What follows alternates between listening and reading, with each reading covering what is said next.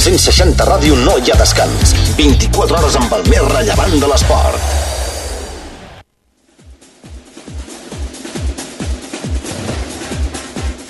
Esport 360, futbol sense fronteres, amb Marc Vila i Enric Bajona.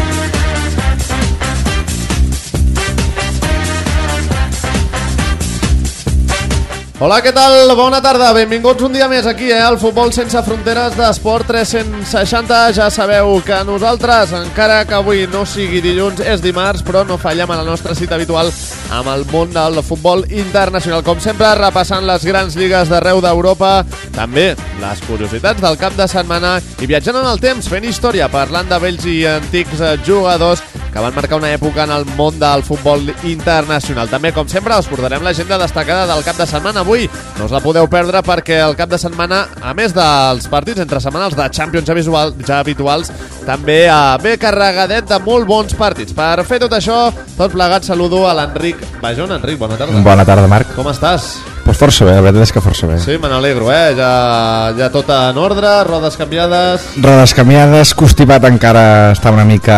Encara no hem fet net, eh? Encara no hem fet net, però bueno, esperem que en uns dies ja, ja estigui del tot recuperat. Doncs sí, tant, Enric, eh, si et sembla, donem ja pas a, a començar amb la Lliga Alemanya, que aquesta setmana també eh, ve amb el partits molt interessants que ens han deixat aquesta Bundesliga. L'any que ve ja ho sabeu i tindrem a Pep Guardiola. No us faig esperar més, us dono la benvinguda un servidor Marc Vila, qui us està parlant. Aquí comença una nova edició d'aquest futbol sense fronteres d'Esport 360. Sigueu benvinguts. Propera parada, Alemanya.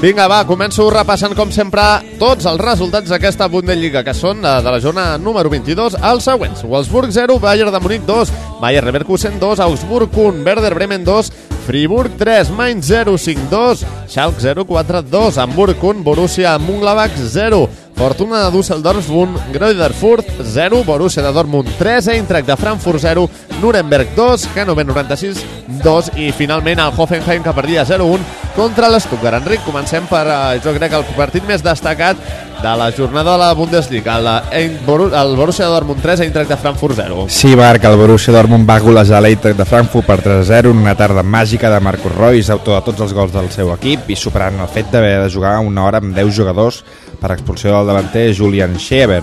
La victòria permet al Dortmund Marc mantenir el segon lloc a la classificació, tot i que a una distància de 15 punts del líder, el Bayern, que fa difícil pensar en la remuntada.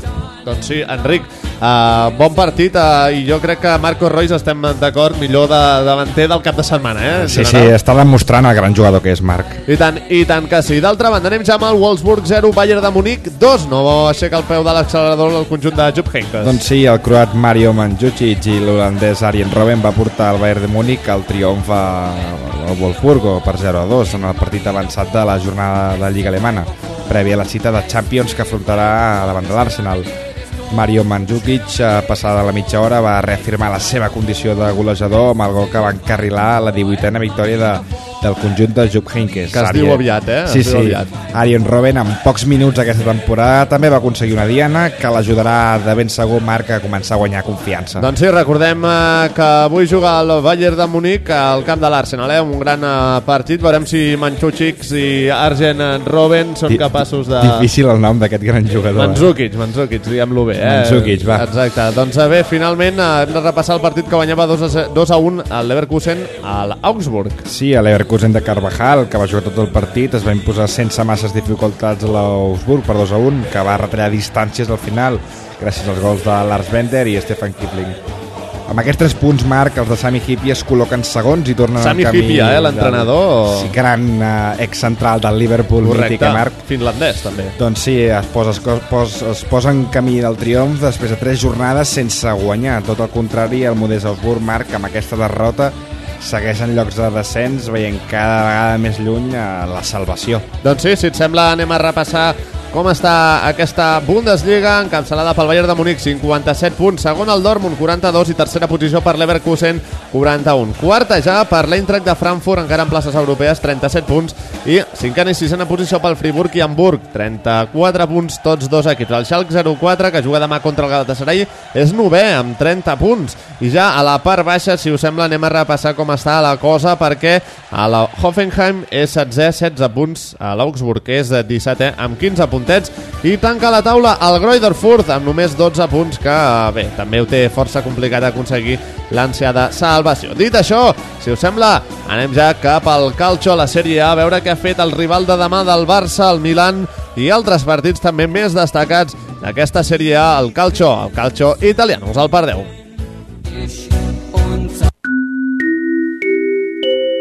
Propera parada, Itàlia.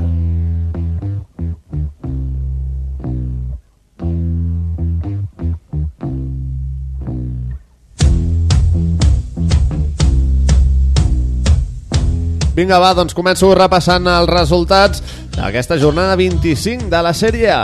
El Milan guanyava 2 a 1 al Parma, el Kiev empatava 1 contra el Palerm, la Roma guanyava 1 a 0 a la Juventus, el Turí guanyava 2 a 1 a l'Atalanta, d'altra banda hi havia empat a 0 entre Nàpols i Sampdoria, el Gènova també es feia amb una victòria per 1 a 0 per la mínima contra l'Udinese.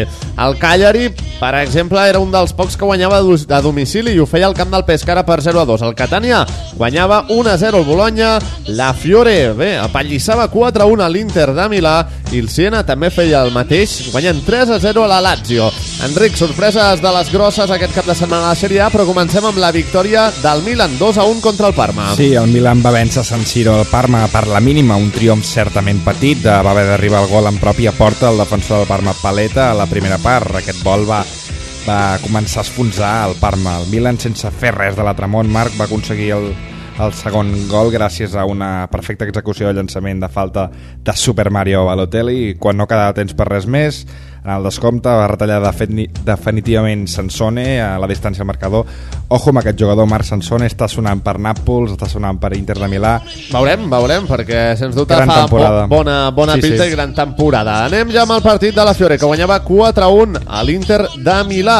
Doncs sí, Marc, en el partit més atractiu de la jornada italiana, la Fiore de l'espanyol Borja Valero es va imposar de manera contundent a l'Inter per 4-1 eh, sobre la gespa de l'Artemio Franchi, de manera que la Viola aquesta vegada sí, Marc va veure recompensada la seva bona actuació per acostar-se als llocs europeus, doblets de Jovetic i Lalic autèntics protagonistes del match i gol d'honor d'Antonio Casano que sense Diego Milito al seu costat recordem Marc greu lesió de, de sí, i tant, i tant eh? se li estan dificultant molt les coses. L'Inter no aixeca cap, realment està fent una temporada mar per oblidar.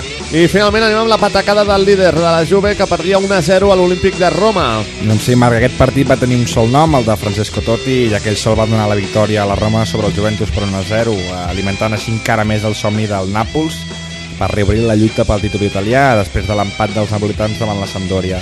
I tant, i tant eh, que sí. I Enric, eh, si et sembla, anem a repassar també com està la taula, eh? perquè la Juve, tot i la patacada aquesta que em comentaves, Uh, doncs uh, bé uh, Líder. continua líder 55 punts, uh, segon el Nàpols amb 51 i tercer ja és el Milan amb 44 Com ha pujat el. Milan, eh, Marc? Sí, sí, sí, però bé, encara 44 punts lluny de la part de, de, la, bé, de la lluita del títol, però té els mateixos punts que el quart classificat, la Lazio. Cinquè és l'Inter, 43, i la Fiore és a sisena amb 42. Eh? A part de Nàpols i Juventus, tots estan aquí en un mocador. La Sí, Roma, sí. per la seva part, vuitena, amb 37 puntets. Si anem a la part baixa, hi trobem el Gènova, 18a posició, 25 punts. Pescara, 19è, 21 puntets, i tanca la taula el, Parle el Palerm amb només 19 puntets.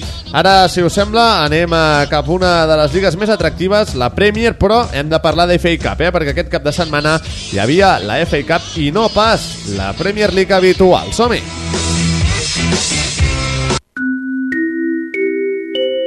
Propera parada, Anglaterra.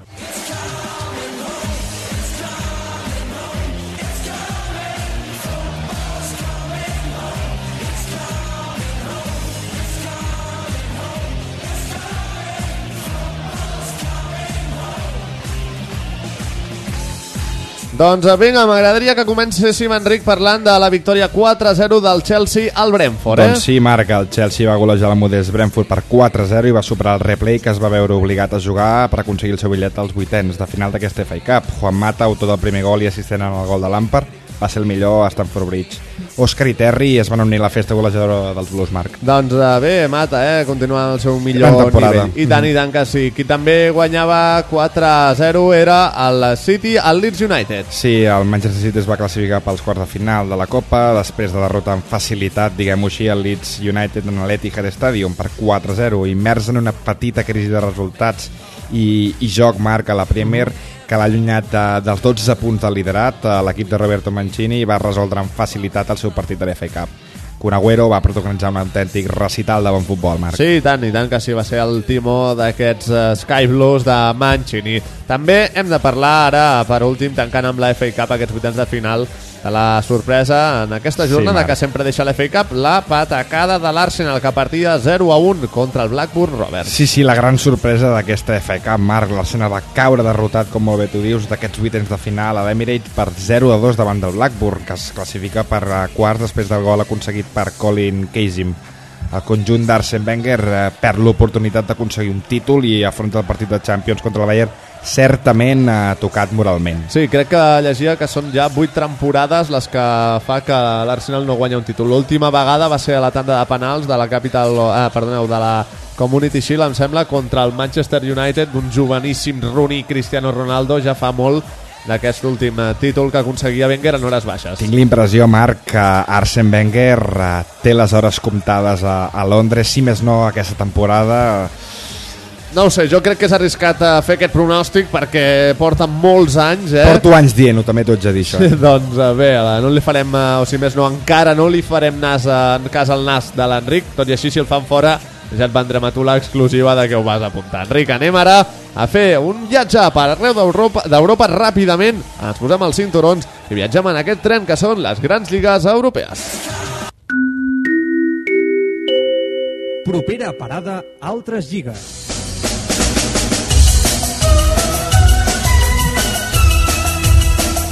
I me'n vaig ràpidament cap a la Lliga Francesa. Doncs sí, el Paris Saint-Germain, rival de València a la Champions, va deixar escapar els 3 punts contra el Sochaux, perdent 3 a 2 amb el que se li acosta notablement al Lió, que va golejar el Girondins de Burgos per 0-4. El Marsella, per la seva banda, Marc, salva 3 punts amb una victòria per la mínima davant del Valencians. Molt bé, i a la Lliga holandesa què va passar? Doncs que l'Ajax va guanyar amb claredat a domicili del Walwick per 2 a 0, mentre que el PSV va guanyar in extremis a casa sisè classificat, l'Utrecht. El Twente, per la seva banda, empata a 1 davant del William 2, mentre que el Feyenoord perd 3 a 2 a domicili del Zwolle. I finalment també vull repassar la Lliga Portuguesa per veure què va fer el rival d'avui del Màlaga, l'Oporto. Doncs l'Oporto va vèncer còmodament per 2 a 0 a domicili del Beiramar, mentre que l'Sporting i Benfica van guanyar per la mínima en els seus respectius compromisos. L'Sporting de, de Braga va jugar ahir al vespre. Victòria contra el Rio Ave per 1 a 0. Bon partit dels portuguesos. Doncs sí, i tant que sí, i ara sí, ja marxem amb les curiositats cap als vestidors, on ens espera una bona pluja d'anècdotes.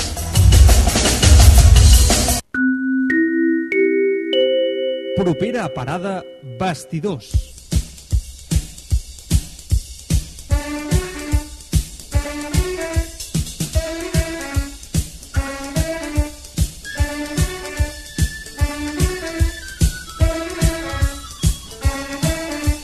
Doncs eh, vinga, començo a estrenar els vestidors amb un debut golejador de Drogba, amb la samarreta del Galatasaray, que és primer classificat de la Lliga Turca per davant de Fenerbahce i Besiktas. Eh? Un Drogba, Enric, que aquesta setmana ja tornarà també a disputar una de les seves competicions fetitxes, la Drogba, Champions. Drogba que encara li queda pistonada, Marc. Doncs Encara sí. li queden uns anyets. I tant, i tant que sí. D'altra banda, parlem de Robben, perquè és el Bayern de Munic, ja ho sabeu, però ell diu que vol jugar més minuts. I d'altra banda afirmava doncs, que no és feliç del tot amb, aquesta, amb aquest rol de suplent. Eh? I també reafirmava que esperava jugar contra l'Arsenal, tot i que veu que hi ha poques opcions de que ho sigui. Ja sabeu quin és el problema de Robben, les lesions, Marc. No el deixen ser constant i irregular. Doncs sí, tant que sí. D'altra banda, anem cap a la Sèrie A, perquè l'Enric ens comentava que Milito es perdrà tota la temporada després de que es trenqués els lligaments en el partit d'Europa League contra el Cluj. I, uh, bé, si hi ha notícia dolenta, per l'Inter també n'hi ha una de bona, eh? perquè incorporaran a Mauro Icardi la propera temporada, el primer fitxatge Nero Arzurri, de la temporada 2013-2014 per 16 milions d'euros. Un jugador que promet, eh? Sí, també sí, l'argentí promet molt, 8 milions d'euros. Uh, 16, 16. 16, perdona. Primer amb 8, uh, van dir que 8 eren Sí. sí. molt pocs, uh, es va El de la, comentar... la, la Sampdoria també sap Sí, moure sí, calés, es eh? va comentar 12 milions fins que al final han sigut 16. El que volia dir Marc és que eren 8 gols uh, aquesta temporada. Correcte, això sí. Uh, anem cap a Israel, Enric, ara, cap a parlar d'Òscar García Junyent, aquell jugador del Barça espanyol, eh, entre d'altres, eh, perquè aquest cap de setmana guanyava el derbi a l'Apoel de Tel Aviv després de 15 partits sense aconseguir-ho. El més bo no va ser la victòria, sinó que després de que, que acabés el partit, els mateixos seguidors de l'Apoel, ah, perdoneu, del Maccabi de Tel Aviv van demanar a Òscar que fes la volta d'Olímpic al camp en honor d'aquesta victòria. Eh? Òscar, que li van bé les coses. I finalment me'n torno una altra vegada cap a Itàlia, perquè en aquest cas Sams, Hamsik, davanter del Nàpols, si no m'equivoco, Sí. eh, doncs va ser atracat a punta de pistola. Eh, per sort em va sortir l'es, però una... Se li van endur el rellotge, Sí, el Rolex. Exacte, sí. se- Se'n va portar el, el lladre se li van portar el rellotge i Hansik un bon ensurt. Bé, aquestes són les curiositats d'aquest cap de setmana i ara marxo a fer història viatjant al temps amb el jugador d'avui. Ja us aviso també que d'avui tornem a tenir un il·lustre central i en aquest cas brasiler. Propera parada fent història. What would you do if I sang out of tune? Would you stand up and walk out on me? Lend me your ears and I'll sing you a song. I will try not to sing out of key.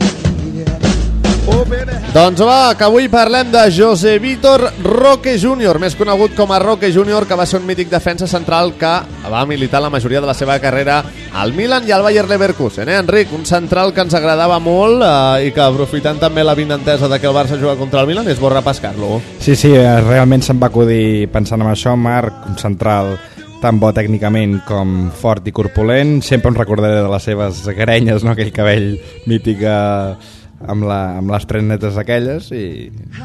Un, Bon, un crac, un sí, crac, sí. eh? podríem dir-ho. Poderós físicament i ràpid en l'anticipació, Roque Júnior es va convertir en una autèntica muralla eh, per tant eh, pels seus equips com per la selecció brasilera. Eh? Dotat també d'una excel·lent qualitat, el característic dels jugadors brasilers amb la pilota als peus. El brasiler tenia una majestuosa capacitat per sortir amb la pilota controlada des del darrere, que el feia així un jugador encara més complet. Podríem dir que seria perfil Barça, eh? actualment, en el panorama futbolístic, Enric. Sí, però jo crec que li quedaria un pèl més de...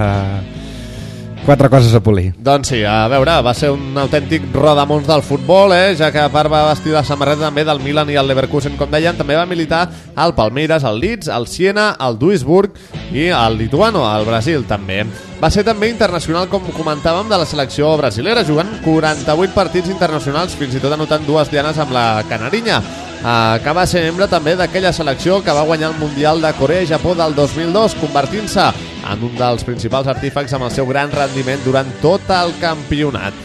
A nivell ja palmarès, eh, com a, en, en clubs, va guanyar també un campionat paulista, una Libertadores, una Copa del Brasil amb el Palmeiras i una Champions League amb el Milan, a més d'una Supercopa d'Europa i una Copa Italiana també amb l'equip rossonero. Per, eh, pel, pel, pel, pel palmarès, Enric, no, no faltarà, eh? Vull dir, té una bona vitrina de Realment trofeus. li falten poques coses a guanyar.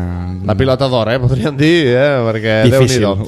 Sí, i tant. Bé, d'altra banda, també el coneixíem eh, per la seva constància al Milan, com dèiem, on va ser un jugador important juntament amb els Maldini, Rui Costa, Sidorf, Dida, etc. Va ser, mm, com dèiem, peça fonamental durant tres temporades al club rossonero.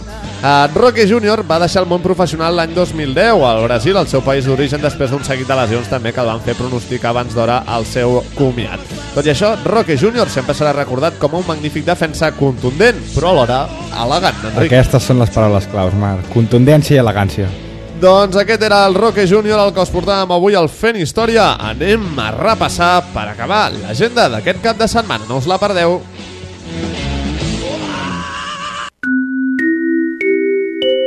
Propera parada, agenda.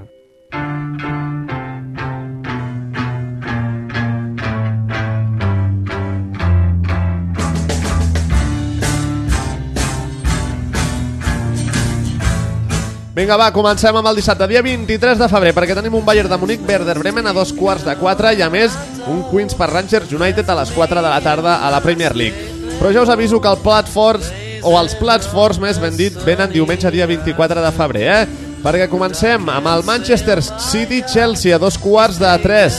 Tot seguit, no ens movem de les Illes Britàniques perquè hi ha la final de la Capital One a Wembley entre el Swansea de Laudrup, Mitchell, Rangel, Pablo Hernández, etc contra el Bradford, un equip revelació de la quarta divisió anglesa. Eh? Recordeu, a Wembley a les 4 de la tarda el diumenge 24. I finalment, per tancar amb el superdiumenge, que podríem dir, hi ha un derbi de Milan. Inter-Milan juguen a 3 quarts de 9. Enric, crec que és difícil quedar-se només amb un partit, eh? Sí, perquè el Swansea i Bradford, sense que siguin equips eh, molt coneguts i... És una final. És una final i el món el futbol anglès marca totes les finals són realment I interessants. tant, i tant que sí. Però t'haig de dir que potser em quedaré amb el Manchester City i Chelsea. Doncs sí, a més a més també serà interessant veure aquest derbi de Milà amb un gran Balotelli, 4 gols en 3 partits. Saps que em quedo amb aquest perquè tinc una, una apreci especial al futbol anglès, però I tant, realment un i tant. Inter-Milan sempre és uh, També un un autèntic fort. partidàs. Correcte. Bé, Enric, toca marxar. Ens acomiadem, com sempre, amb la música del programa.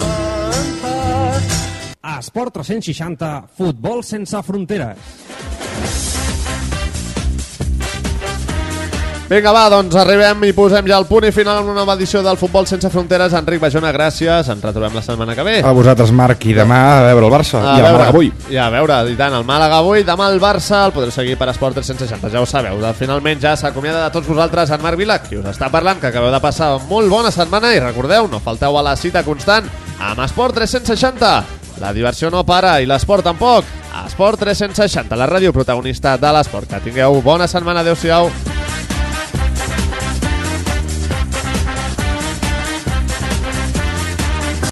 Esport 360 Ràdio. La ràdio protagonista de l'esport.